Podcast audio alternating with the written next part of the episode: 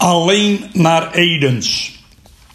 Laat ik vandaag maar weer eens beginnen met een vers. Je bent het dichter of je bent het niet. Een oud gedicht. Voor het eerst gepubliceerd in mijn bundel Kajapoetolie uit 2001. Van die bundel werden er 2000 stuks drukt, die het allemaal uitverkocht raakten. Echte poëzie verkeert het net, zei toen een Friestalige vakbroeder tegen mij. Ik heb hem als troost voor zijn frustatiebloes Magali geven. Uit die bundel het vers Stadsjongens. Stadsjongens. De jongens uit Allegeën kosten summer uit. Die van Toppenhuizen en Eilaan trouwens ook. Grauwe melkeshanden, rode groene zeepkoppen.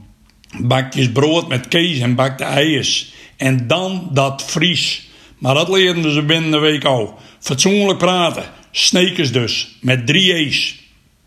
De hoteniteit ten top. Die sneken stoepskieters die die jongens en meisjes de les even lazen. Wat voor taal ze gebruiken mochten op het schoolplein van de Rehobotulo aan de Liesterbeslaan in de Waterpoortstad. Het had alles te maken met een beperkte blik.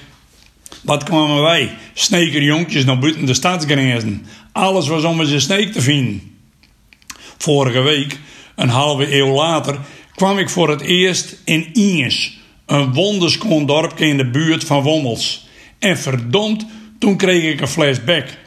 Want daar op het driesprong zag ik een verpletterend mooi richtingsbod met de tekst Alleen naar Edens. Guineas, maar Edens. Zou dat de invloed van ons sneker jonkjes geweest hebben? Dat een lui van Inges toen al dacht hebben het moet maar in een andere taal als ons eigen. Daar in Edens waande ik mij in een volkomen andere leefwereld als die waar ik woon, Hartje Sneek. Ik haal het al lang niet meer in mijn hoofd om te zeggen dat het plattelaan op de topografische ladder onder die van de stad zit. Die imponerende kerk uit de middeleeuwen met op het dak een wonderlijke gouden ster staat er nog altijd te pronken. Wat een oase van rust.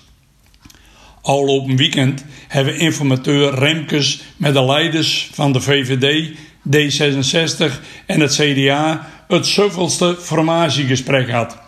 Op landgoed de Zwaluwenberg in Hilversum. Daar in het gooi, in die Hollandse kakbubbel, speakers met koppen slaan. Ik weet het resultaat op dit moment nog niet. Het had ook helemaal niet verkeerd geweest Ad Remkes en die handelman van de VVD en het CDA met dat meisje van D66 met gaan waren naar Edens. Had ze daar eens in retraite gaan waren.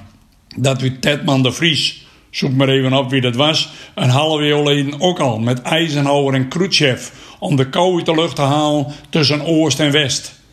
Want in Edens, daar heeft de omgeving een heilzame invloed op je brains. Dat weet ik als stadsjongen ondertussen nou ook wel. Het is verdadelijks een mea culpa voor mijn gedrag ten opzichte van die kinders van buiten van toen.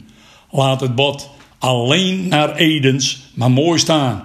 Het is een stille getuige van wat is, wat was en wezen zal. Edens, het paradies op aarde.